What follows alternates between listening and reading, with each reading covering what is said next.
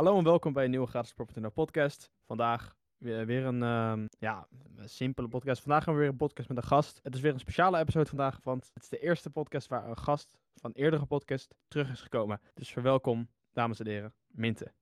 Ja, ik kom me niet mee te, ik kom niet voor te stellen, want ik ben ook weer teruggekomen natuurlijk. Ja, Ja. ja, ja.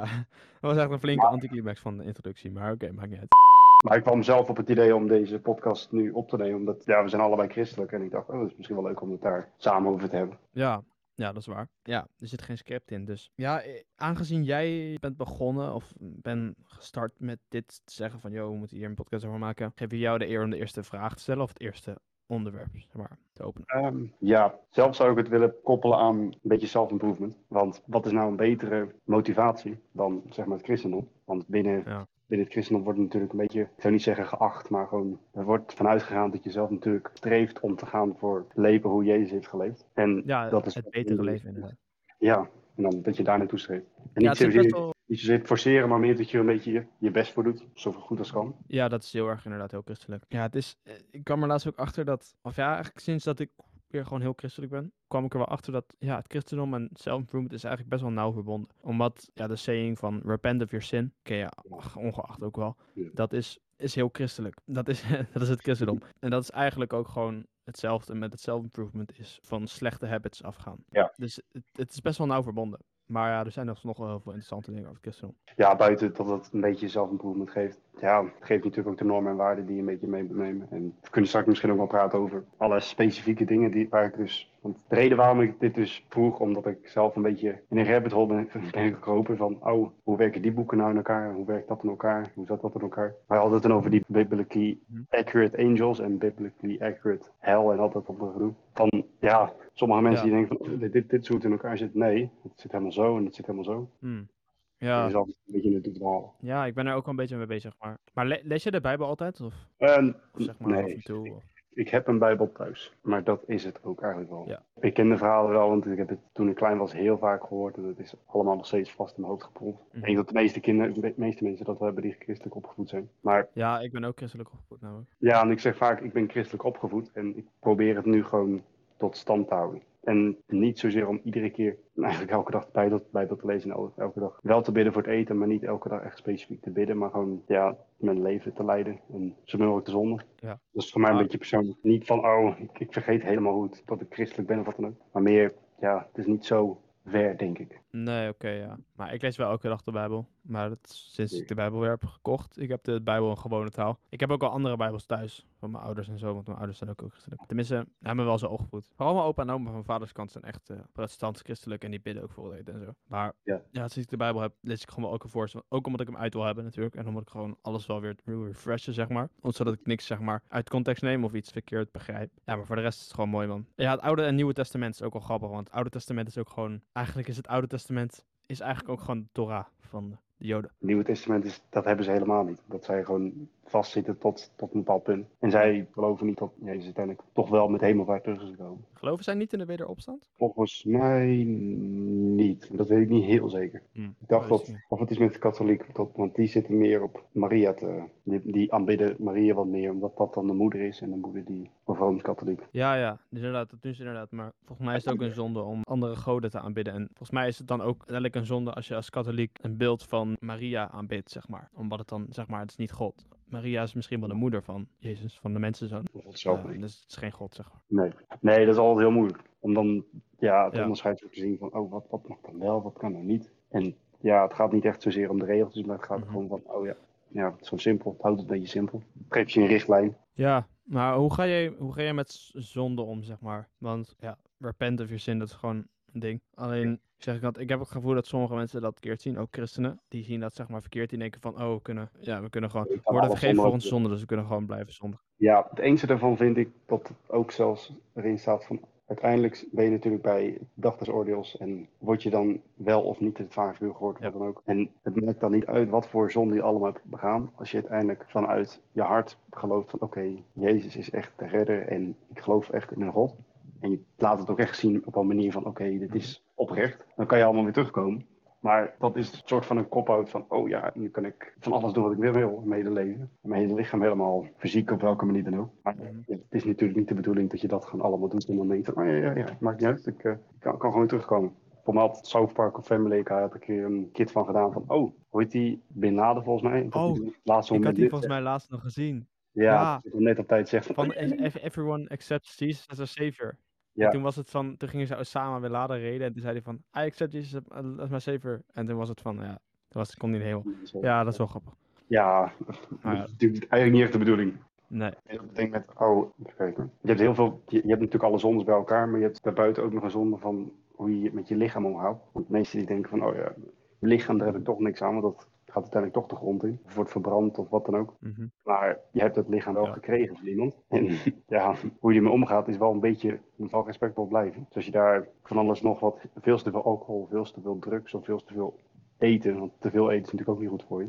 Als je dat maar blijft doen. Dat is gluttony. Dat is Ja. gluttony of eh vraatzucht. Dat is, dat is, ja, dat is wat niet. Tot denken. Welke zit hier gekoppeld? Blijf je alleen maar eh, Ja. alles Nee. binnenweg. ja, maar je weet ook van de Seven Deadly Sins, dus, maar dat weet je wel sowieso wel. Ja, ik ben er zeker. Ja, de, ken jij eh, het, Huis Anubis? Heb je dit vroeger gekeken? Ja, ja, er is een, ehm, Ja, er is dat inderdaad een serie, film. de film, die keek, maar, die keek echt heel vaak. Het Pad der Zeven. Zonden heet die. Ja, dat, was, dat heeft mij eigenlijk vooral een beetje er meer op laten focussen, want ik had het wel in de Bijbel vaak gelezen. Alleen door die film was het meer van, oh, nu zie ik het ook echt. Nu is het een beetje visueel. Wel een beetje een visual Ja, learning. want dat waren toch ook alle, dat waren alle zeven dodelijke zonden, toch? Want er was die, er was die guy die, eh, ik weet niet, voor de mensen die, die geen Hij zijn Anubis Pad der Zeven Zonden hebben gezien, ik heb die film echt vijf, vijfduizend keer gezien of zo. Er was die guy, die ridder, en die kon mensen in steen laten veranderen, maar volgens mij was hij, hij was van pride, hij was van trots. Dat is de hoogste trouwens. Maar voor de rest weet ik niet goed meer. Was er, Ehm, nou ook, er waren ook van die soort vrouwen die heel mooi waren of zo. En die dan zeg maar konden verblinden of zo. Maar ik weet niet precies meer wat er nog meer was. Ja, voor mij was dat lust. En dan had je nog vraatzucht en dan Oh ja. ze Ja. allemaal eten. Dan kon hij dat allemaal blijven eten, blijven eten en blijven eten. En toen was hij dus gewoon versteend. Maar ze werden uiteindelijk allemaal wel versteend door, doordat ze toegaven aan de zonde die ze zelf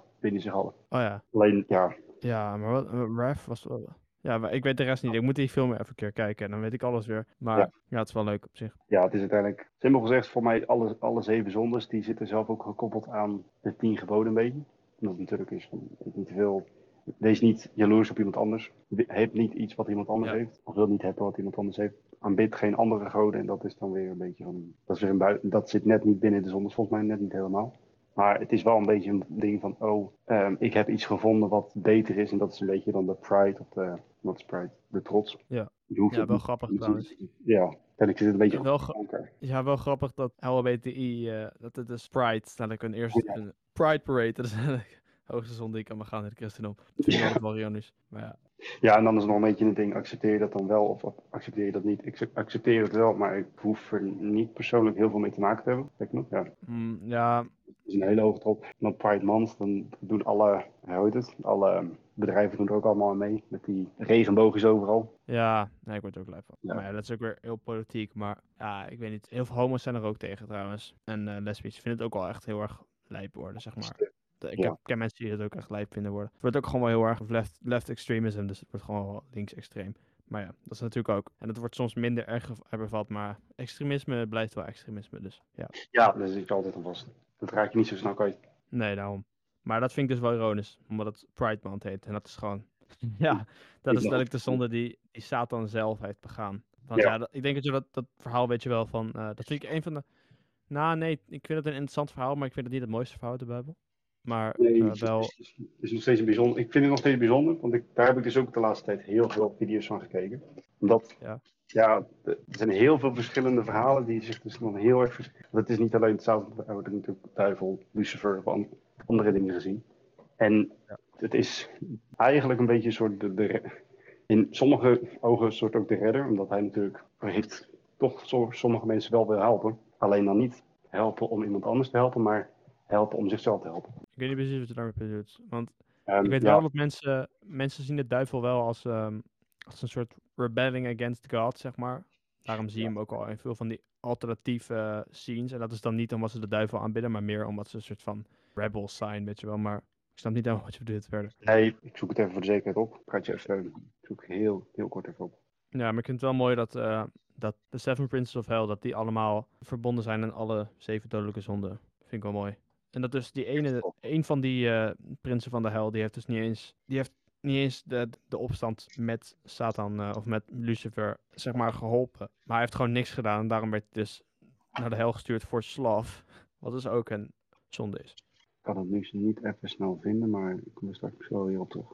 Oké. Ja, het, het was, het was eigenlijk een soort van. Lucifer is natuurlijk Lucifer, dus dat licht iets op. Dus Ja. het- hij, Oh ja. hij bracht een soort het licht voor anderen. Het is ook dat de slang die Adam en Eva uiteindelijk de appel, of het is niet eens een appel, het is gewoon een vrucht. We weten niet precies wat voor vrucht het was, maar het is de vrucht die in de Garden of Eden, hoe heet het in het Nederlands? De tuin van Eden. Tuin van Eden, simpel, ja, stom. Die, eh, die gaf dat dus en heeft, heeft eigenlijk iets fouts gedaan bij de meesten natuurlijk. Dat, dat heeft uiteindelijk de eerste zonde gegeven. En dat is de eerste zonde die we hebben al, die uiteindelijk ons heeft gebracht. Maar Hebzucht, toch? Ja, dat?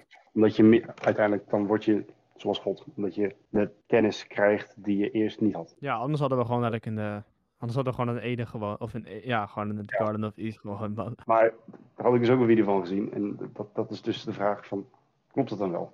Hadden wij dan wel voortbestaan? Omdat zij waren volgens mij daar ook onsterfelijk. Want ze konden, ze konden voor me wel een soort van doodgaan. Maar ze hadden niet echt een vorm van pijn of een vorm van wat dan ook. Want ze konden daar gewoon zo lang mogelijk blijven als ze maar willen. En Oh als je natuurlijk geen pijn en geen dood kent, waarom zou je dan kinderen baren? Dat heeft natuurlijk geen zin. Want je bent zelf natuurlijk alleen met z'n tweeën. Lang Ja. genoeg daar. Oh ja, dat is waar. En, en uiteindelijk, het einde van de video legde zij van ja, als zij uiteindelijk niet daarvoor hadden gekozen, zijn wij nooit tot leven gekomen. Omdat wij natuurlijk nooit. De, ja, we, hebben, we zijn uiteindelijk nooit zo ver gekomen. Omdat zij nooit verbannen zijn. En ze hebben nooit meer kinderen gekregen. En de kinderen hebben niet veel meer kinderen gekregen uiteindelijk. Ja, dat is waar. En eh, God heeft Ja, ook eh, straffen gegeven voor iedereen. Ook zodat dat vrouwen ook meer pijn zouden krijgen als ze eh, zouden bevallen. En mannen Ja. was het volgens mij akkers, dat het moeilijker was om de akkers te ploegen. Ja.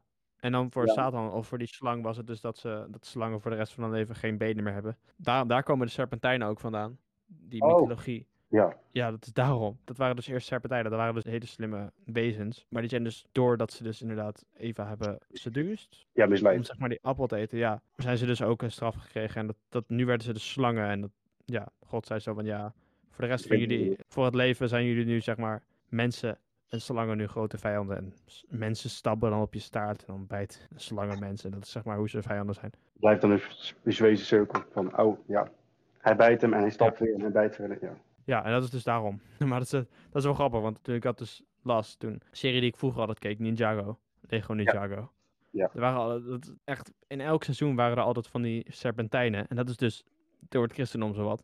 Ook wel door andere mythologieën hoor, trouwens. ja, die hebben ook een zitten. Egyptenaren Ehm, volgens mij ook wel hoor. Ja, alleen ik weet niet of die het als fout of goed zagen. Want voor mij is dat, dat bij de Egyptenaren was het volgens mij een beetje een mix. Ja, Die gebruikten volgens mij slangen. Ja, en het christendom is zeg maar, een slang is zeg maar echt gewoon een slecht persoon of een ja, slecht Ja. wezen. Een, een soort evil. En dat, dat is ook wel, ook wel grappig, het verschil tussen eh, toen draken een ding waren. Ik denk zelf dat draken een soort fout zijn gemaakt. Dat, dat mensen zeg maar, mensen geloofden in die eeuwen echt heel veel, heel snel heel veel dingen. En Ja. als ze dan bijvoorbeeld een bot zagen, dan konden ze dat, en die waren verkeerd geplaatst, dan konden ze denken van, oh dat is een draak. Maar wat ik wel grappig vind is, is toen het dus draken in China bijvoorbeeld, dat was een, een teken van geluk en goed, positive vibes zeg maar. Maar in, in Europa was het destijds, dus omdat het katholiek was. Ja, toen was het, toen was het een, een teken van de duivel, een demon, zeg maar, demonisch iets uit de hel. Dus dat is wel grappig hoe dat, Ja. zeg maar, verschil. Het is niet alleen gewoon een groot gevaarlijk monster. Het is ook nog een groot gevaarlijk monster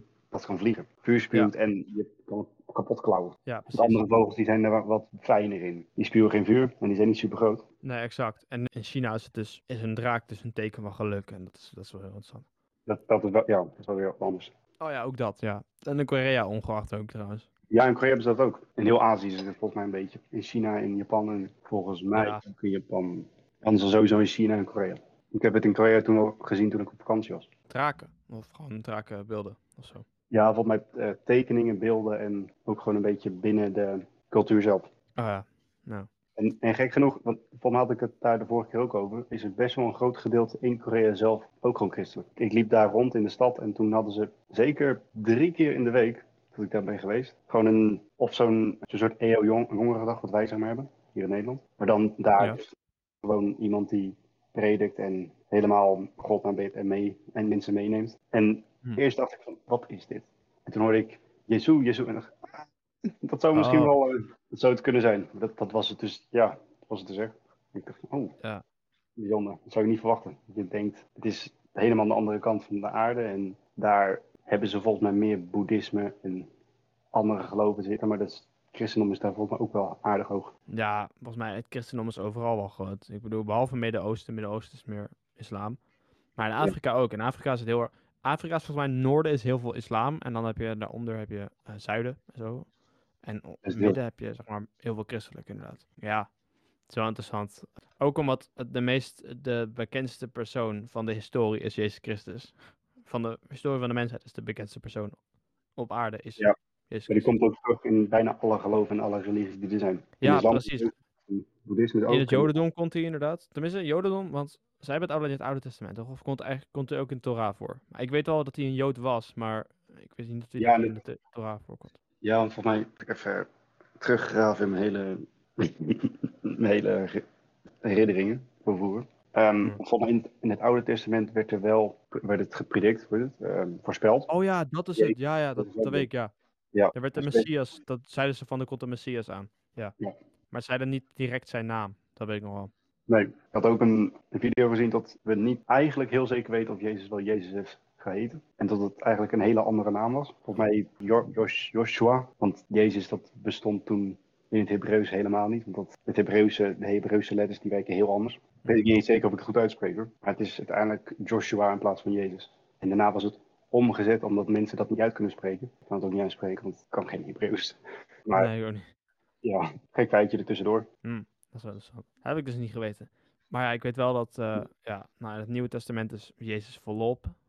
Het Nieuwe Testament gaat bijna alleen maar over Jezus trouwens. En Ja. over de nieuwe hoop. Inderdaad, in het Oude Testament, was ik even vergeten, daar wordt hij inderdaad als Messias wordt hij, eh, wordt hij meerdere keren aangeduid. Ja. dat, dat kan ook gewoon niet anders, gasten. Dus eigenlijk in, in het Oude Testament is echt zo vaak is het verteld van, joh, hij komt eraan. Er komt de Messias aan. En het Nieuwe Testament is een stuk later gemaakt. En dan opeens is het door al die predictions, er zijn echt heel erg veel predictions. Met allemaal exacte dingen die er gaan gebeuren. En dan opeens gebeurt het. En dan is het die guy. Ja, Dat, het kan gewoon niet anders. Maar in ieder geval, dus in het Jodendom is het inderdaad ook zo. Hij was ook Jood. En in, de islam is het ook echt een hele grote profeet. En ik heb dus meerdere moslims gesproken die ook zeggen van we respecteren Jezus echt heel veel. Ja, dus Ja. Jezus is echt bijna overal komt hij voor.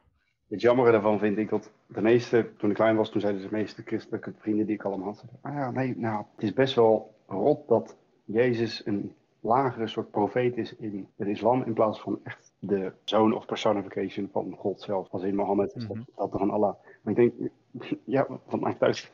Het is, wij, wij hebben christendom, dus zij hebben islam. Laat ze lekker hun ding doen. Ja, dat is waar. En in principe Ja. zijn er wel heel veel, er zijn niet heel veel En- verschillen of zo. Maar omdat ik nu hoor dat zij het dus wel echt respecteert, denk ik van, oh ja, nou, hey, dat is, dat is goed om te horen. Dat is juist het mooie. Dat het toch niet is van, oh, hij is toch lager. Maar het is, ja, al die profeten zijn ook belangrijk. En, Ja, ja, heel erg. Hij werd echt heel erg gerespecteerd. Dat heb ik van meerdere moslims gehoord ook. Ja. Ehm, alleen ik, ik hoor dus niet zoveel over Mohammed of zo. Echt niet zo heel veel. Alleen, nou, best wel alsnog wel een goed persoon. Ik had een paar dingen daarover die ik dus met die gast, met Sean, ehm, oh shit, ik weet zijn naam niet meer, van eh vorige podcast. Of ja, van de Unfiltered 8. Maar daar gingen we na de podcast even over praten. Maar ik dacht, eh, ik, hoor, ik had namelijk wat dingen opgezocht over Jezus. Het verschil tussen Jezus en Mohammed. En toen zag ik allemaal dingen over Mohammed. Dat ik echt dacht van, wat, wat de hel. Maar dat leek allemaal niet heel veel waard zijn of uit context ge- genomen te worden. Dus ja, dat is niet heel slecht of zo. ik had ook, want nu hebben we het over het verschil tussen Jezus en Mohammed. Ik had ook een video gezien waar dus het verschil tussen Jezus en Boeddha werd uitgelegd. En volgens mij zit er Mhm. niet zo'n heel groot verschil in. Want Jezus was toen hij eigenlijk heel jong was al best wel hoog aan het praten. En eigenlijk zijn moeder Ja. Aan het aansturen. dat in, Ja, en Boeddha staat ook in de Bijbel inderdaad. Ja, Boeddha deed het ook al. En Oh, voor mij sommige mensen die denken dat ze soort van elkaar ja, bijna hetzelfde overeenkomen. Of hetzelfde soort willen, ja, hetzelfde willen overbrengen met Jezus en met Boeddha. Alleen, ik weet te weinig over boeddhisme. Ik ben er zelf wel een beetje mee bezig, maar zelf weet ik het oprecht niet zeker. Die video ik weet er dus echt helemaal niks van. Nee, dus ik zit er echt pas net een beetje, soort, net een teentje erin aan doen. Teentje in het water. Ja, nou, ik weet van de drie, eh, drie grootste geloof het meest. Nou, van christendom natuurlijk het meest. Islam weet ik veel, omdat ik best wel wat mensen, moslims ken. En omdat het ook gewoon, als je gewoon een paar dingen gaat opzoeken over het christendom. En dan een beetje bij islam ook komt, dan krijg je een beetje wat verschil, wat de overeenkomsten zijn. En het jodendom, ja, is ook gewoon wel flink hetzelfde, omdat het Oude Testament eigenlijk het deel van de, van de Torah. Ja, Maar is, dat, is, het hele, is het hele Oude Testament, is dat de Torah of is er nog meer bij de Torah? volgens mij is de Torah gewoon het Oude Testament. van de Bijbel. Oh, Dat is oh, wat ja. ik het meest heb Oh, gehoord. dan heb ik meeste. bijna, dan Maar het, het ding met de Bijbel is dat ik bijna alles al gelezen daarvan. Ja, daarom. Het is, als, je, als je gewoon de volledige Bijbel hebt gelezen, heb je ook de volledige Torah volgens mij gelezen. Maar het, het kan ook komen tot. Want de Bijbel is best wel veranderd. Er is heel veel veranderd. Want alle boeken moesten natuurlijk een beetje kloppen binnen de canon van het verhaal, zeg maar. En er zijn best wel boeken die niet er aan zijn toegevoegd, terwijl ze wel zeg maar, een soort Bijbel waren, maar nu eigenlijk niet meer. Ze zitten niet meer bij de, bij de King James versie. Want er zijn een paar boeken die Oh ja, de de King James versie, maar ik weet niet precies Ja. wat het allemaal inhoudt. Nee, de, ik, weet, ik weet dat de Book of Enoch die bij toegevoegd is. En dat is eigenlijk een beetje een soort. Het is een beetje te vergelijken met het allerlaatste boek in de, in de Bijbel. De, de Rapture en Apocalypse zijn wordt uitgelegd van. Oh, dit gaat er allemaal gebeuren in de toekomst. Van. Hoe heet het boek? Even kijken. Zal ik even mijn Bijbel erbij pakken? Ja, ik kan hem er ook bij pakken, maar dan moet ik even naar boven. Ik heb hem hier bij de hand. Oh joh. Vroeger wist ik het precies helemaal uit mijn hoofd te zeggen. Het was, ja, klinkt een beetje, een beetje gek, maar dat was eigenlijk een van de, de, ja, de interessantste boeken die ik vond. Want dat was, het werden allemaal dingen uitgelegd die nog nooit zijn, niet zijn gebeurd. De openbaringen, dat was het. Dat was het laatste. Hmm. Dat laat soort zien wat er in de toekomst komt. En toen, toen ik klein was, vond ik het allemaal interessant. Van, oh, wat gaat er allemaal gebeuren? En Wat, allemaal, wat, wat wordt het allemaal? Maar het wordt een beetje op die manier uitgelegd. Alleen dan op een manier van, oh, de engelen, die dus, de, gevallen, de gevallen engelen, die zijn dus naar de aarde gekomen. En dan in die tijd leefden dus ook gewoon monsters en andere beesten allemaal op aarde tussen de mensen zelf. En die engelen die zijn toen gaan mengen met de vrouwelijke mensen. En dan hebben ze dus wezens gebaard, die dus niet helemaal menselijk zijn. Die hebben dus dingen gegeven aan de mensen. Zoals magie en ander soort spul, allemaal astrologie en al die andere dingen. Die eh, hele wishy-washy spullen die je nu allemaal hoort. Maar daar gaat het eerste boek van over. Is dat ze... Huh? Ja, dat is, dat is ook een boek van. Nee, hè, dat heb ik ook nooit van geweten. Maar ik weet wel dat, want ik kom zelf uit Ethiopië, dat Ethiopië dat boek wel meeneemt. Want Ethiopië die, die, die is van, oh ja, dat boek kan erbij en dat boek kan erbij. Dit klopt allemaal bij de kennen. Alleen, ik snap waarom ze het niet bij de officiële doen, want het is best wel een bijzonder verhaal. Want het gaat, het gaat echt van kwaad tot erger. Hmm. Maar monsters op aarde ook, hè? Heb ik nog nooit gehoord. Ja, nog Jubilee. Jubilee, dat was ook een ding. Dat is dat het tweede boek. Dit is wel interessante shit. Maar Ja. ja. wat er wel zo is, is heel veel dingen die in de Bijbel worden gesproken. Over dat het volk onloyaal is. Nou, god. dat is, heel veel shit gebeurt nu ook in de echte wereld. Het gebeurt nu gewoon letterlijk op het moment. En heel veel dingen die voorspeld zijn, die gebeuren al gewoon op de momenten waar ze horen te gebeuren. En dat is wel Ja. crazy. Ja, dat is, dat is echt iedere keer. Vroeger toen ik klein was, toen dacht ik iedere keer, oh ja, in, in, de, Bijbel stond altijd, oké, op het moment dat er oorlogen en wanneer er heel veel onrust in de aarde is, dan, dan gebeurt het. Van, ehm, dat is al heel vaak. Dat is bijna altijd. Wanneer komt het? Wanneer komt het? Wanneer komt het?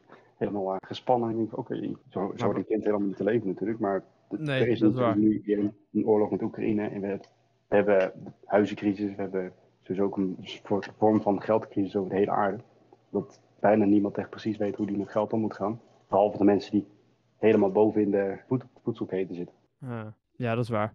Ja, En al dat politieke gedoe. ja precies. Maar bedoel, heb je dan dan voor Armageddon? Of eh, zeg maar... Ja, in die zin een beetje. Tot, tot, tot het, je weet nooit zeker wanneer het gebeurt, maar toen dacht ik van, oh, nu kan het gebeuren. Nou, het gebeurt nog niet. Maar het, het, is, het is wel iedere keer een soort van, voor het gevoel net op het randje van, oeh, iedere keer als er weer wat gebeurt. Oh, Maar hoe denk jij dat, hoe, denk jij dat Armageddon uitspeelt? Want ik, ik hoorde laatst dat woord, en ik heb het al eens gehoord, maar ik wist niet precies wat het inhield. Daar heb ik heel veel research gedaan. En nu kwam ik in de Bijbel ook langs Armageddon. Volgens mij in het Nederlands is het vertaald, ik weet niet precies hoe het heet. Maar ja, ze zeggen dat inderdaad dat er dus engelen komen op de dag en die komen dan met toeters of van die, nou, niet toeters, trompetten, sorry, Ja, trompetten, op die wolken. En dan uiteindelijk komt er, de Antichrist komt dan ook en zo. Geloof jij dat het zo gaat spelen? Of denk je dat het een andere soort Armage- Armageddon wordt? Of eh, weet jij daar meer van? Want ik, ik weet nog niet heel veel over Armageddon of zo. ik heb wel heel veel- ja, ik heb zelf heel vaak de openbaringen gelezen, omdat dat mij wel een beetje interesseerde. Maar het enige wat ik nog een beetje ervan weet, en wat ik heel veel heb gehoord, is dat iedereen die dood is gegaan, die kan, heeft dan een mogelijkheid om naar de hemel te gaan. Of die gaat terug naar de aarde en heeft dan uiteindelijk Armageddon en die ma- maken ze dat mee. En hebben ze een keuze van, oké, wil ik hier blijven of wil ik door naar de hemel? En doe ik mijn best. Of hou ik mij vast aan wat ik allemaal gedaan heb en wat ik allemaal in die zin echt, zeg maar, fout heb gedaan. En blijf ik hier en wordt de aarde een levende hel. Want de aarde wordt dan vernietigd en er komt een nieuwe aarde. Aarde 2.0 in die zin. En daar kunnen we dan weer leven tot de rest. Omdat, maar het, is- het is eigenlijk een soort, zeg maar, de Big Flood. Ja, het is eigenlijk Ja. gewoon, ja, de Big Flood, zeg maar. Maar, maar omdat het dus door alle zonden die we hebben gedaan, is zeg maar een straf van onze zonde. Ja, alleen dat Jezus dus aan het kruis is gestorven, hebben wij dus de mogelijkheid om die zondes dus te repenten en toch wel door naar de hemel te mogen. Ja, En dat, dan- is dus, dat is het bruggetje inderdaad. Maar waarom, waarom is er dan alsnog een Armageddon? Ja, voor, voor degene die toch niet die een soort geluisterd, ja. Het klinkt, ja, in mijn idee voelt het een beetje als een, een ouder die de stoute kinderen dan zeg maar straf geeft en de goede kinderen een beetje meeneemt van, ah ja, goed gedaan, goed gedaan, neem je mee, neem je mee. Zo, zo zie ik het een beetje simpelweg, omdat, ja, Oh, ja. mag Dus iedereen, mag, ja, iedereen die goed heeft gedaan, die mag zeg maar... Die, Die gaan sowieso al, ja, en Die, die mogen even in de hemel chillen. Om zeg maar... Ja, die, die kunnen, maar het, het gek is dan dat je bijvoorbeeld vanuit de hemel wel kan zien wat er allemaal ah, gebeurt op de aarde. Dus je maakt het er wel mee, je ziet wel wat Hmm. er gebeurt. En er zijn genoeg mensen die zelf christelijk zijn en heel veel vrienden hebben die dus niet christelijk zijn. En die denken van, oh, ik ga dus wel naar, naar de hemel. Gaat mijn vriendje en vriendinnetje, gaan mijn papa en mama wel naar de hemel? Want ik geloof wel, maar mijn papa en mama misschien niet. Of andersom. Ja, En dan die maken er Armageddon mee. ja, en dan denk je, oh, eh, dat weet ik helemaal niet. Maar ik weet, niet, ik, ik weet natuurlijk helemaal niet hoe dat dan gaat Nee. Misschien is het wel heel anders en op dat moment denk je daar helemaal niet aan en gebeurt het gewoon. Ja. ja, want ik weet ook dat er bij, tijdens Armageddon, dat zeggen dus nu heel veel christenen, die zeggen, volgens mij vooral Jehovah's zeggen dat, die zeggen dan van Jezus komt terug, de mensenzoon komt terug. En dat is dus inderdaad de Judgment Day. Ja. Maar of hij komt gewoon naar- terug naar de aarde. Ja, heel veel mensen zeggen dus dat Jezus terugkomt naar de aarde en dan gaat hij dus mensen, dan zijn er dus mensen, echt daadwerkelijk christenen die gewoon goed hebben geleefd. En dan, ja, dan is Jezus van, hé, hey, goed bezig. Ik weet niet precies hoe dat gaat. Maar dan is er, zijn er ook mensen die eigenlijk altijd al slecht hebben gedaan. Of gewoon, ook al, ook al mensen die, die gewoon de tradities volgen en de Bijbel lezen, maar zeg maar nooit iets goeds doen voor mensen. Dat zijn de hypocrieten. Ja, Die dan inderdaad zeggen van, kijk, dat er ook in de Bijbel van, kijk eens, hier, kijk eens hoe goed wij, wat wij hebben gedaan in uw naam. We hebben demonen eruit ge, eh, en geesten uit, uit mensen, hun, mensen gehaald in uw naam. En dan zegt Jezus tegen die mensen van, ja, niet. ga van mij weg. Je bent, zeg maar, ja, je bent niet, je hoort niet bij mij. En dan, ja, Ja, ja, ja. Hij expose ze dan voor de bullshit die ze eigenlijk ja, wel dus uitspreken. Maar, ja, het is helemaal niet zo. Je zegt het wel, maar je doet het niet. exact. En dat, Dat dat, is- dat vind ik best wel bijzonder, want in het christendom is het vaak, het woord is heel belangrijk, het woord van God is heel belangrijk, maar actie is belangrijker. Dus je kan wel uitspreken wat je doet, maar het is beter om het ook uit te voeren. Ja, Zeg maar, don't just talk the talk, but walk the walk. In die zin een beetje. ja, precies. Ja, of je bent, maar dat is ook, ja, je kan niet echt tussenweg hebben of zo. Ik vind niet dat je een, ehm, Nee. dat je per se een christen bent als je, als je zegt van, yo, ik lees de Bijbel, ik doe de tradities en ik ben, maar ik ben, zit tegen mensen, ik scheld mensen zomaar uit en dat soort dingen. Dan ben je geen christen. Maar Aan de andere kant, als je dat omdraait, stel je voor je volgt geen tradities, je gaat niet naar de kerk, je leest niet de Bijbel, maar je, je bent wel heel goed voor mensen. Maar ben je dan nog steeds een christen? ja, dat was dus waar we, we zitten in die groepsapp van eh, de self-improvement. Ja. En daarin hadden we het afgelopen week natuurlijk ook over met, eh, als je nou atheïst, maar dat hoeft natuurlijk niet atheïst te zijn, maar gewoon waar je het nu over hebt. Iemand die dus niet gelooft, maar wel dezelfde normen en waarden meeneemt. Oh ja, dat, ja. Zou, zou dat dan heel erg uitmaken of moet er dan ook echt een religie achter zitten om dan dus dat goed of kwaad te doen? Ik zou denken, ja, maakt mij, maakt, zou eigenlijk helemaal niks uit moeten maken. En dat is dus wat mij vroeger wel een beetje dat bevestigt van, oh, mijn vrienden en vriendinnetjes die geloven misschien niet in God of wat dan ook. Of wat, waar, waar ze in willen geloven. Ze geloven dan wel in iets anders, maar ze geloven niet waar ik geloof. Maar ze hebben wel dezelfde normen en waarden. Ze weten wat goed en fout is en ze doen over het algemeen het goede. Dan, dat geeft mij dan wel weer de goede rust van, oh, het komt wel goed. Ze gaan er wel naartoe. Ook al weet ik natuurlijk zelf helemaal niet of dat niet zo is. Ja. Ik geef wel weer rust van, oh, ja nee, ik hoef me daar niet te veel druk om te maken. Nee, dat is waar. Ja, dat is een ander verhaal, als ze heel slecht zijn voor mensen. Maar Ja, en dan, dan is het dubbel op zelfs nog, ja. precies. Ja, allemaal meer. Ja, heb dat je nog meer, nog meer te bespreken? Ik denk het wel. Ja, nee. We, hebben het, we hebben het nu zo- gewoon gehad over het geloof zelf en over de, het einde, zeg maar. Mhm. En over alle boeken en over hoe het, wat het zeg maar met jezelf doet. Maar wat, wat ik zelf best wel cool vind, en daar heb ik me afgelopen week en ook een beetje een half jaar mee ingezeten, was de biblically accurate angels. Want je hebt wel engelen, maar er zit blijkbaar echt een hele hiërarchie in. Hoe dat allemaal tot stand is gekomen. Want de, de engelen zelf, dat zijn eigenlijk gewoon de messengers, de voorzichters, de Beschermers en boodschappers. de beschermers, bo- de boodschappers, dat is hem. Ja. Alleen wat vaak in de Bijbel wordt aangegeven is dat je niet van tevoren al kan weten of het wel of geen engel is. Want ik weet niet of het Mozes of Abraham was, maar die waren, werden toen aangesproken door een, door een engel. Ze hadden geen idee dat het een engel was. Maar hun vrouw die wist dat al wel, want die zag toen een heel, hele belichting en het zou duidelijk vanuit moeten gaan, oké, dat is een engel. Maar Oh ja, want dat mensen, ze kunnen dus gewoon tussen de mensen zitten. En het kan gewoon normaal, je kan je buurvrouw of buurvrouw, buurman zijn. En dan weet je helemaal niet van, oh, dat is gewoon een engel, maar dat merk je dus later. Want mij in dat verhaal was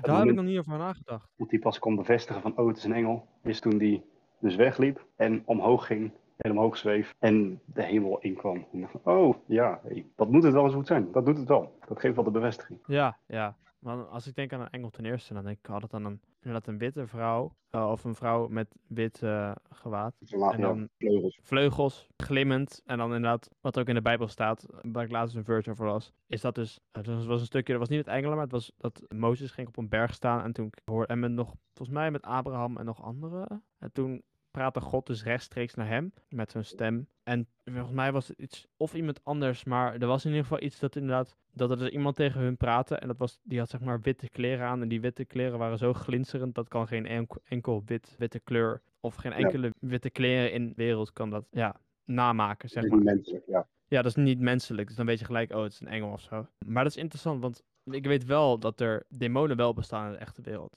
Er zijn mensen als demonen en demonen willen je ook laten zondigen. Het kan misschien raar klinken voor sommige mensen, maar ik geloof er wel echt in. Zeg maar Ja, demon attacks en zo. Demonen zijn simpel gezegd eigenlijk gewoon mensen die het soort tegenspreken en tegen je in- te veel tegen ingaan.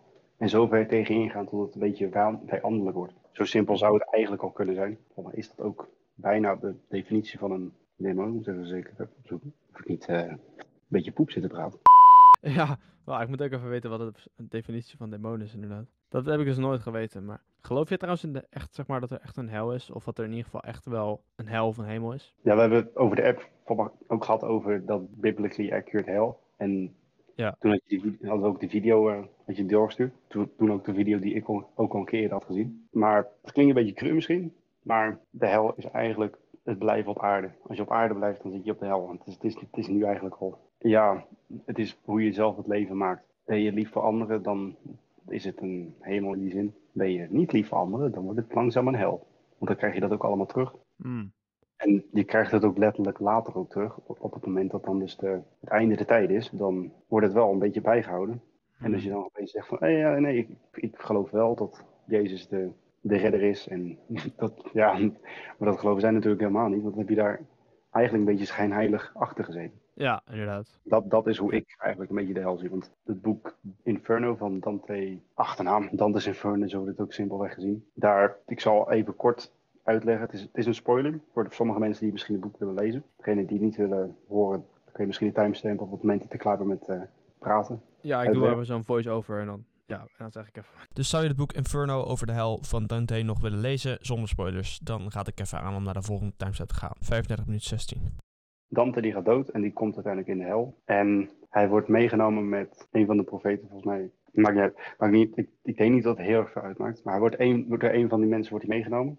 En hij was heel Van erg... het Oude Testament. Volgens mij van het Oude Testament. Ik weet niet of het... Zoek het even verzekerd op. Dat ik ik weer op zit te praten. Virgil. Ik weet niet wat het in het Nederlands is, maar dat is een van de... Gaat met de, niet de profeet, maar met de... Hoe heet Virgil. Die brengt hem dan door heel hel. En die brengt hem dan door alle levels van hel zelf. En Ja. dat heeft te maken met alle de Seven Deadly Sins en nog een paar extra. Want volgens mij gaat hij door de negen levels van hel. En Oh ja, want de, de treachery is de hoogste, toch? Ik heb het gezien. ja, ja, video. Ja, die had je toen ook eh, doorgestuurd. Ja. Die had ik voor mij doorgestuurd. En zei van, oh ja, die heb ik ook gezien. Dat is niet hetzelfde. Ja. Het, waar het uiteindelijk helemaal op uitgaat is, bij Treachery, daar zit dan de duivel. Maar dat is dan dus helemaal in ijs. En de meesten die denken, oh Satan, de duivel, die is dan de koning Nee. van hel. Ja. Dat is helemaal niet. Hij zit Nee, ook daarom. als... Ja, en heeft die Er zijn Judas... geen cipieren. Heel veel mensen denken dat, dat Satan en demonen allemaal de cipieren zijn van de hel, maar dat is dus niet zo. want Ze zitten daar ook de, de ja, gevangen. Ze zitten er helemaal vast. Ze kunnen, ze, eigenlijk kunnen ze zelf ook niet heel veel.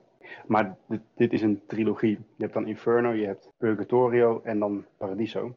Inferno is dan in de hel. En daarna dan gaat hij dus uit de hel. Als hij dan dus uiteindelijk bij het laatste gedeelte van de hel is, gaat hij helemaal naar beneden. Want hij gaat van boven naar beneden. En op het moment dat hij dan daar beneden is, dan komt hij uit op de andere kant van de aarde. En dan gaat hij dus door Purgatorio langzaam omhoog. En dan komt hij uiteindelijk bij Paradiso. Want dan heeft hij in plaats van de zonde, heeft hij dan de tegenovergestelde van de zondes. Dus de goede dingen. Ja.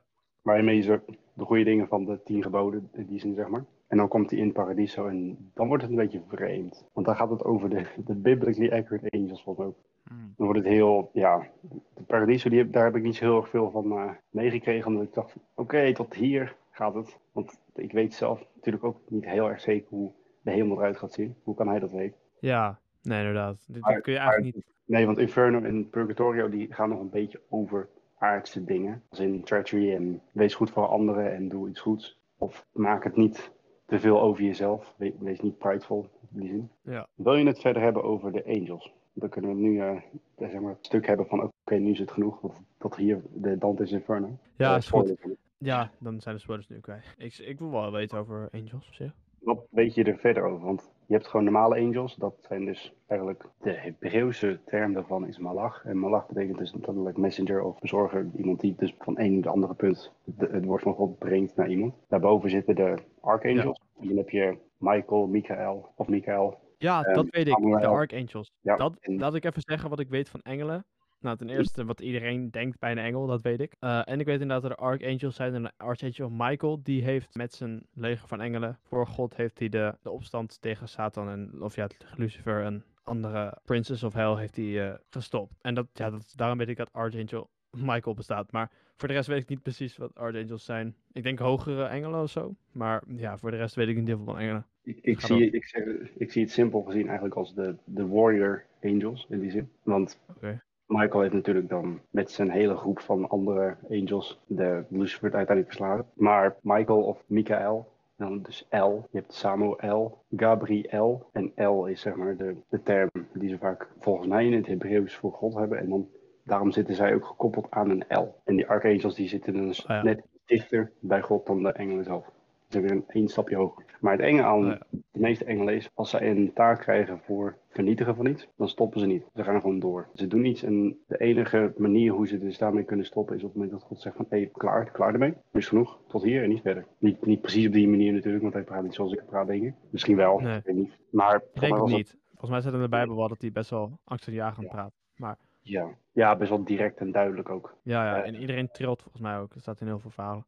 Als die dan trilt echt bijna iedereen van angst. Ik weet niet zeker waar, welk verhaal het was. Het was een van de verhalen tot God de engel heeft gestuurd om een volk, een van de volken die dus tegen, de, tegen het Joodse Rijk ging. En op het moment dat ze dus binnen de poorten kwamen van de Joden, zeg maar zelf, toen, dacht, toen zei hij dus tegen ze stop, stop en niet verder. Want anders dan hadden ze dat dus ook al vernietigd. Terwijl ze eigenlijk de taak hadden om alleen maar het andere volk te vernietigen. Maar ze kregen een taak en ze gaan door. Hm. En ze maken het af. Best wel eng. Ja. En daarom, daarom heb je dus Nou ja. Ik ben, ik Waarom vind het niet heel eng of zo. Want ja, nee, maar als... Ja, nee. God, God die kan niet ook altijd een keer... Het is heel stom niet, niet een leuk grapje, ik. Maar God die kan altijd een keer een moment hebben van... Hé, hey, wat ik een keer niet zeg. Dat gebeurt denk ik niet. Dat gebeurt zeker niet. Stom nee, nee, nee, maar dat is waar. Maar Ja, ik nee. geloof, ik dat- geloof dat- aan God.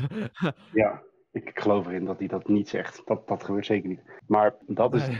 De reden waarom ze vaak, wanneer een engel zich laat zien aan iemand, dan zeggen ze vaak, wees niet bang. De term be not afraid, want mensen zijn gewoon bang voor engelen. Die waren vroeger van, gewoon bang voor engelen, omdat ze wisten van, oh, als een engel hier is, dan moet er iets zijn. En als ik iets fouts heb gedaan, wat ik niet weet, dan weet je niet hoe je ermee om moet gaan natuurlijk. Want je hebt geen enkel mens die kan zeggen van, stop. Want daar luisteren ze niet naar, ze luisteren alleen maar naar het woord van God. Ja, nee, daarom. Je bent, je bent dan een van de profeten en dan kan je dus via jezelf het woord van God doorsturen. Maar het is best wel, ja nee, aan de ene kant is het best wel eng, maar aan de andere kant snap ik het wel van, oké, ze moeten ook wel medogeloos zijn, want het is natuurlijk, aan de andere kant heb je ook de monsters die dus, niet, niet de menselijke monsters of de monsters monsters, maar gewoon letterlijk demonen die ook niet stoppen. Ja, nee, daarom. En daar, Hmm. daar, daar heb ik toch iets meer angst voor. Of ja, angst. Ik heb niet echt angst voor demonen, maar ik vind het wel... Nee, nee, je hoeft daar niet van voor te zijn eigenlijk, maar het is meer, ja, ik denk dat ik snap wat je bedoelt, maar meer dat je er een beetje op gefocust bent. Ja, staat. nee, daarom.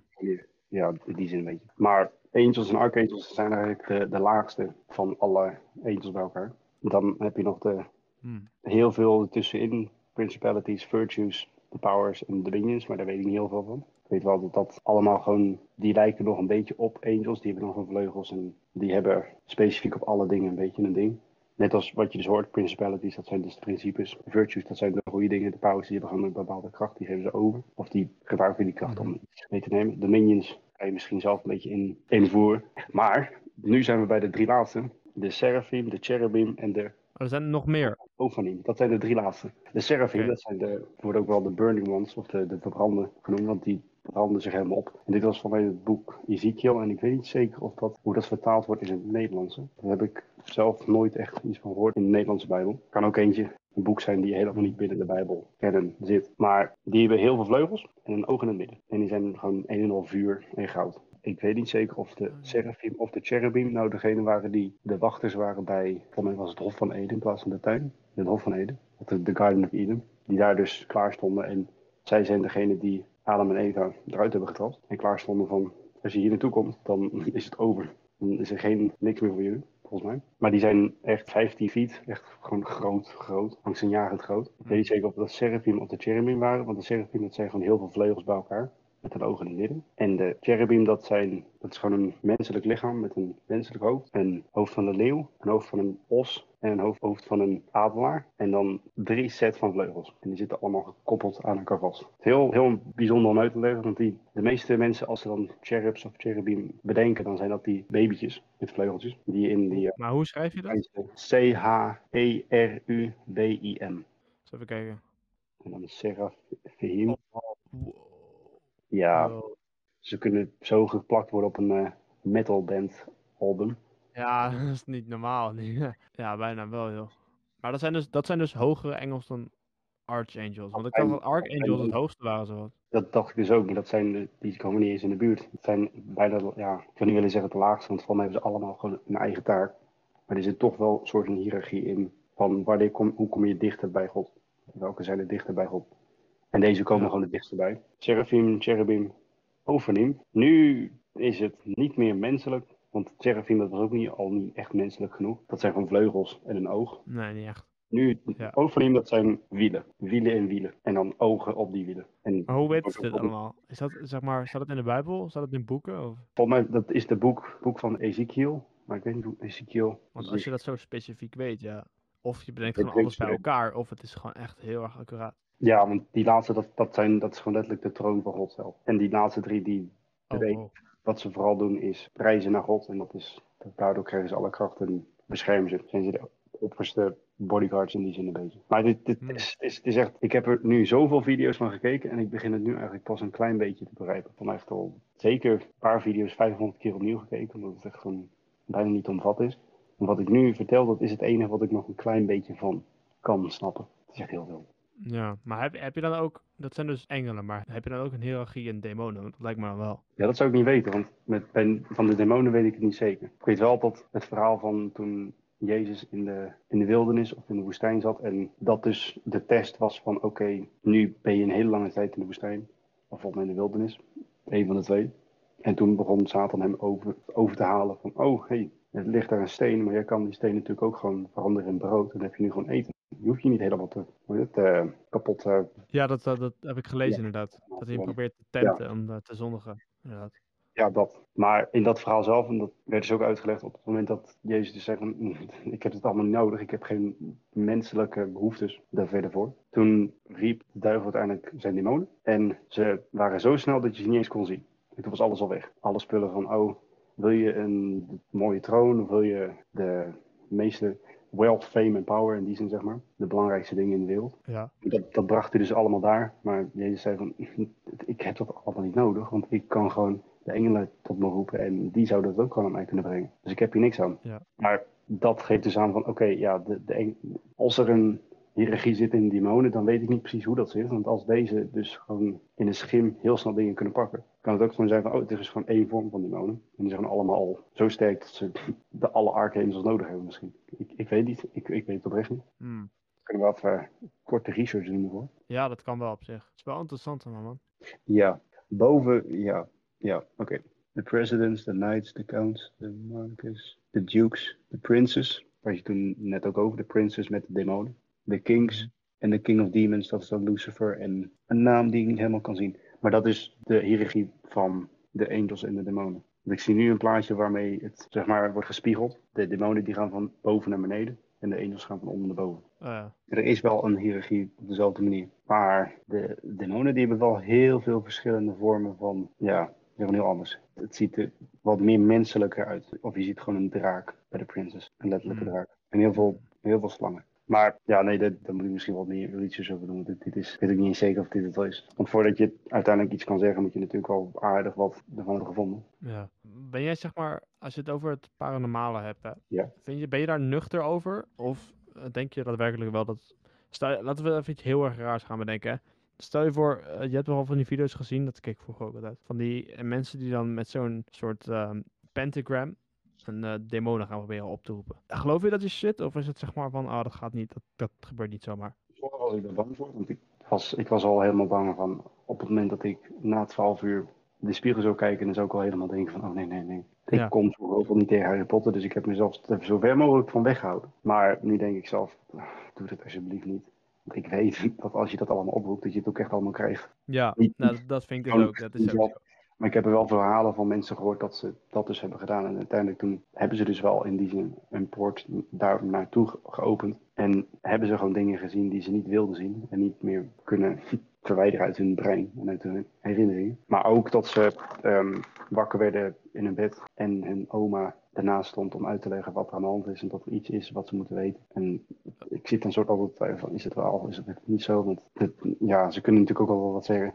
Dus ik zit, aan de ene kant ben ik er nuchter van, van ah, ik weet niet of het wel klopt. Maar aan de andere kant ben ik er toch wel een beetje achterhoofd van, oeh, ik ga het niet proberen. er Nee, je moet, je moet het ook niet echt doen of zo. Het is ook een beetje tegenstrijdig om als christen demonen gaan oproepen. Maar ja, eh, het domste wat ik vind is, zeg maar, ik geloof er wel echt in dat, dat je iets, echt iets heel fouts op kan roepen. Mhm. Eh, en aan de andere kant, als je probeert heel vaak... De reden dat mensen demonen willen oproepen is omdat ze een soort iets gedaan willen hebben. Want demonen kunnen wel dingen voor je doen. Maar het fout, het, ding daarmee is, demonen gaan altijd een manier vinden om je, zeg maar, te misleiden. ja, dat is er ja. een prijs aan. Ja, dat is altijd een prijs aan. Dat is het domste wat je kan doen. Ja.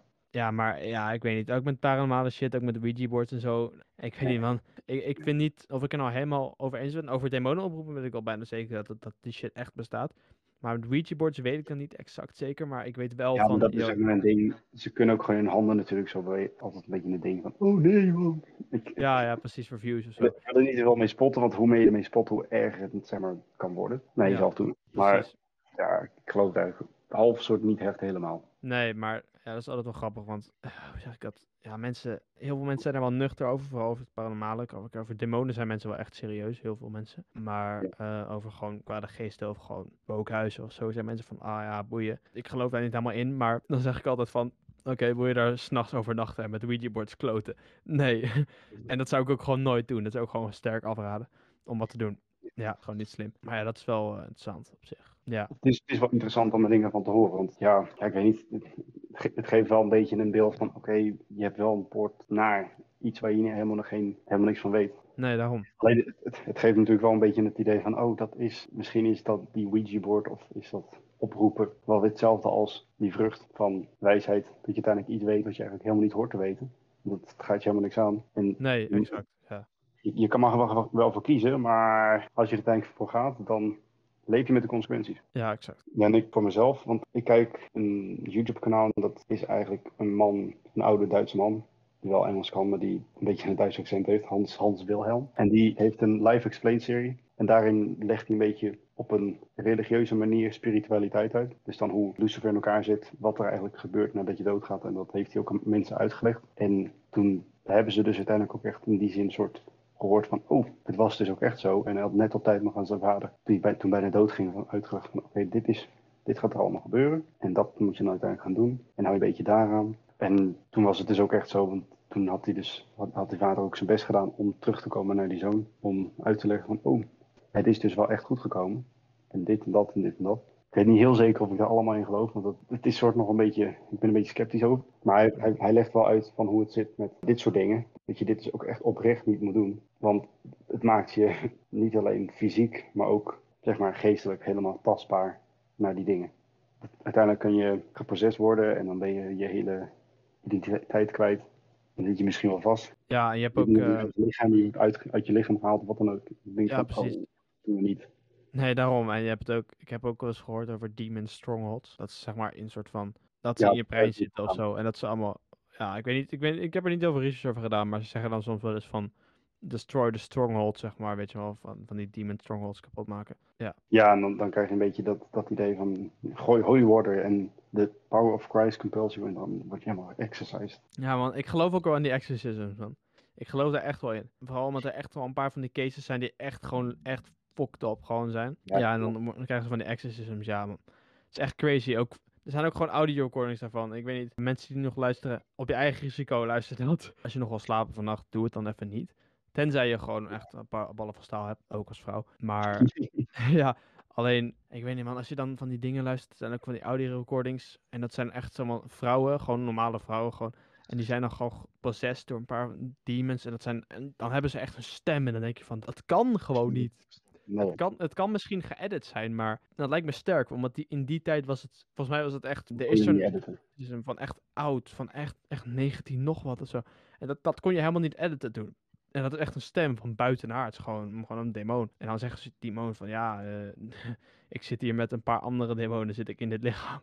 Het is echt, echt heel crazy. Ja, en dan is het allemaal exorcism worden gedaan. Ik geloof er wel echt in, man. Ja, Ja, en het gevaarlijke, wel logisch. Ik ja, geloof wel. het gevaarlijke daarvan lijkt me dat ik zeg van er zitten meerdere lichamen in één lichaam. Uiteindelijk vechten ze over Ja. het bestaan van je eigen lichaam. Dus als er te veel in je lichaam zitten, dan kunnen sommige mensen denken van oh, is dat dan waar schizofrenie achter vandaan komt of wat dan ook. En dan denk ik, oh ja, dat, dat zou kunnen. Of je lichaam gaat uiteindelijk gewoon kapot. Fysiek of geestelijk. En dan ben je jezelf niet meer en dan ben je het Ja. hele lichaam gewoon kwijt. Maar toch hebben we iets opgezocht en hebben ons best gedaan om te kijken van oeh, misschien werkt het wel. En ik wil toch de supernatural een beetje opzoeken. Maar dat, moet je niet te veel achteraan gaan, lijkt mij. Nee, nee, inderdaad. Moet toch een beetje eng.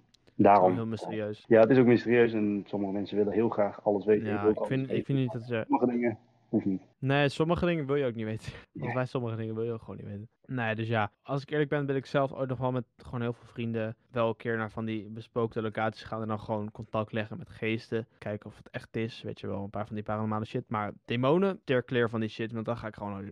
Echt nooit. En, eh, als ik het wel ga doen, dan hebben we, hebben we bakken met holy water en eh, kruisen Ja, en dan alles. alles, alles wat, eh, wat je nodig hebt. Precies. Ja, over, nog over het niet geloven van dat het wel of niet echt is. Zelf heb ik de verhalen van de Bijbel altijd gedacht van, oh, heeft dit ook echt is dit ook echt gebeurd? Of is alles wat in de Bijbel werd gezegd, gebeurd in de hemel? Dat dacht ik vroeger als een, be- als een klein kind altijd aan. Ik dacht, dit, kan niet. Er kunnen niet zulke wonderen gebeuren op aarde. Dat heeft nooit gekund. Daar was mijn, Oh, dat, dat bijvoorbeeld Jezus iemand hield van de dood of zo. Of dat er hele volken Ja. worden uitgemoord. Dat Ja. soort dingen verdwijnen. Omdat ze. Ja. Of dat iemand zijn oor kwijtraakt en dat Jezus het oor gewoon ertussen terug opzet. Alsof er niks is.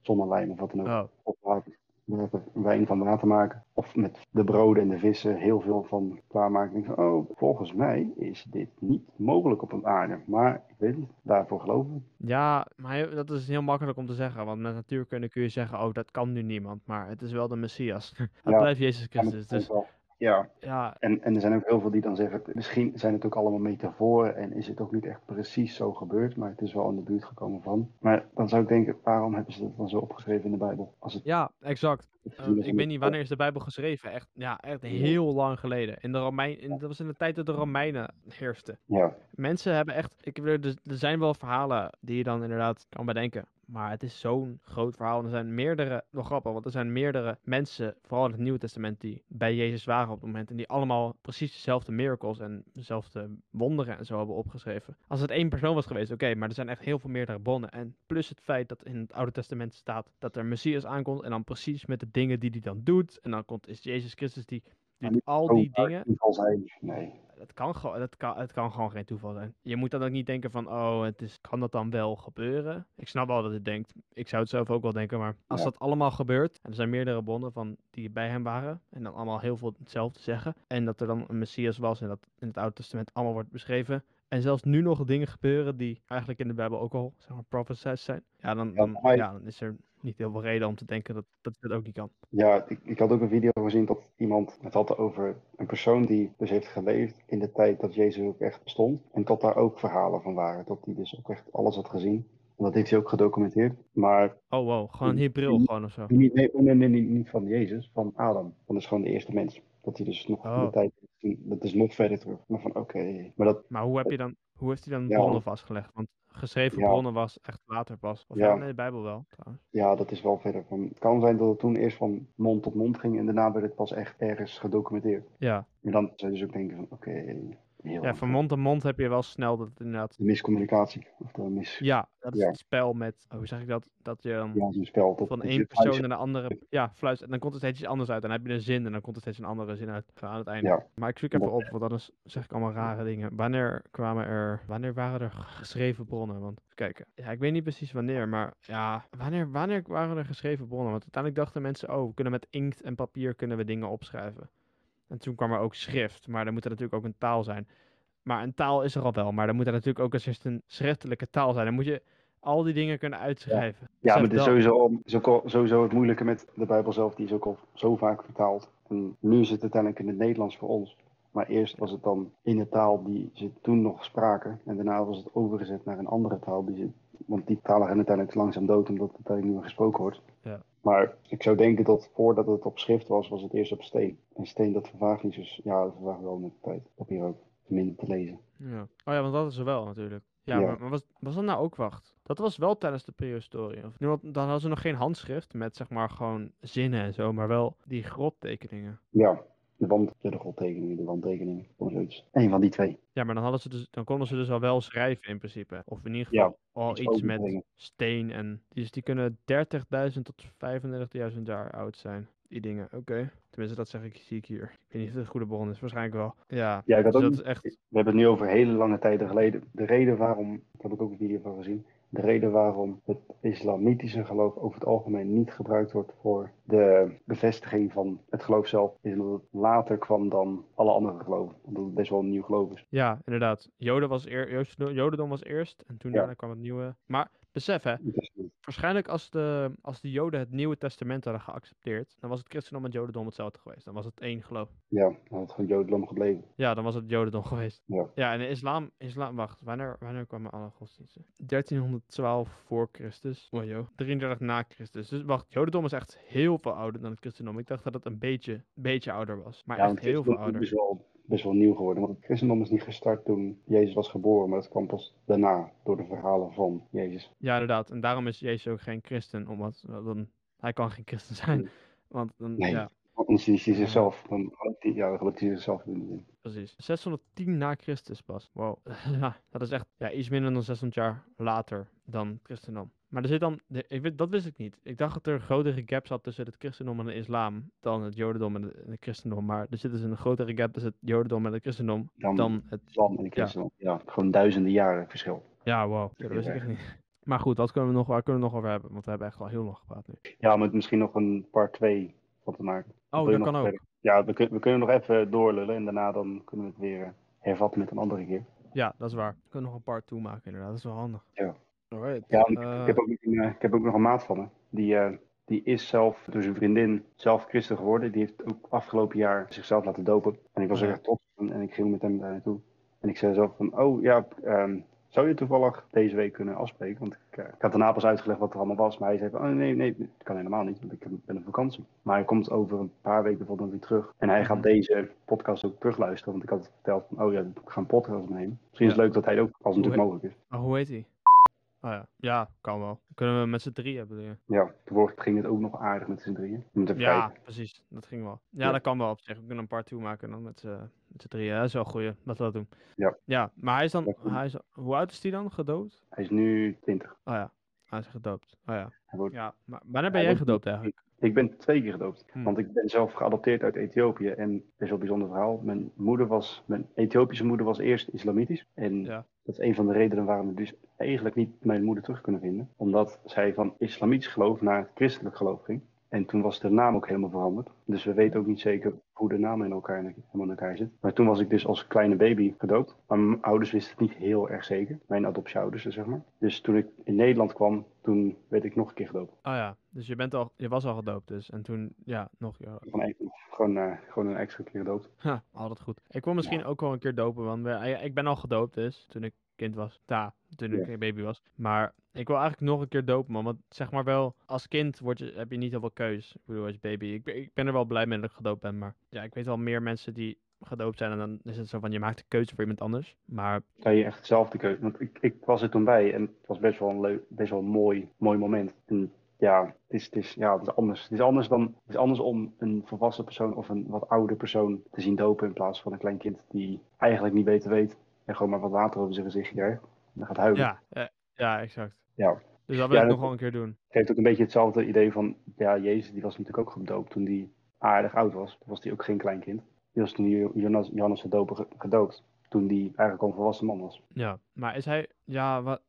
ik vind het wel grappig, want ik weet dus helemaal niet helemaal wat er gebeurt. Ik weet wel dat het traditie is, maar naast dat je zonder ervan weg worden gecleansed, zeg maar, snap ik niet per se wat dopen nou echt precies, precies inhoudt, zeg maar. De hele procedure. Ja, ik weet het ook niet heel zeker.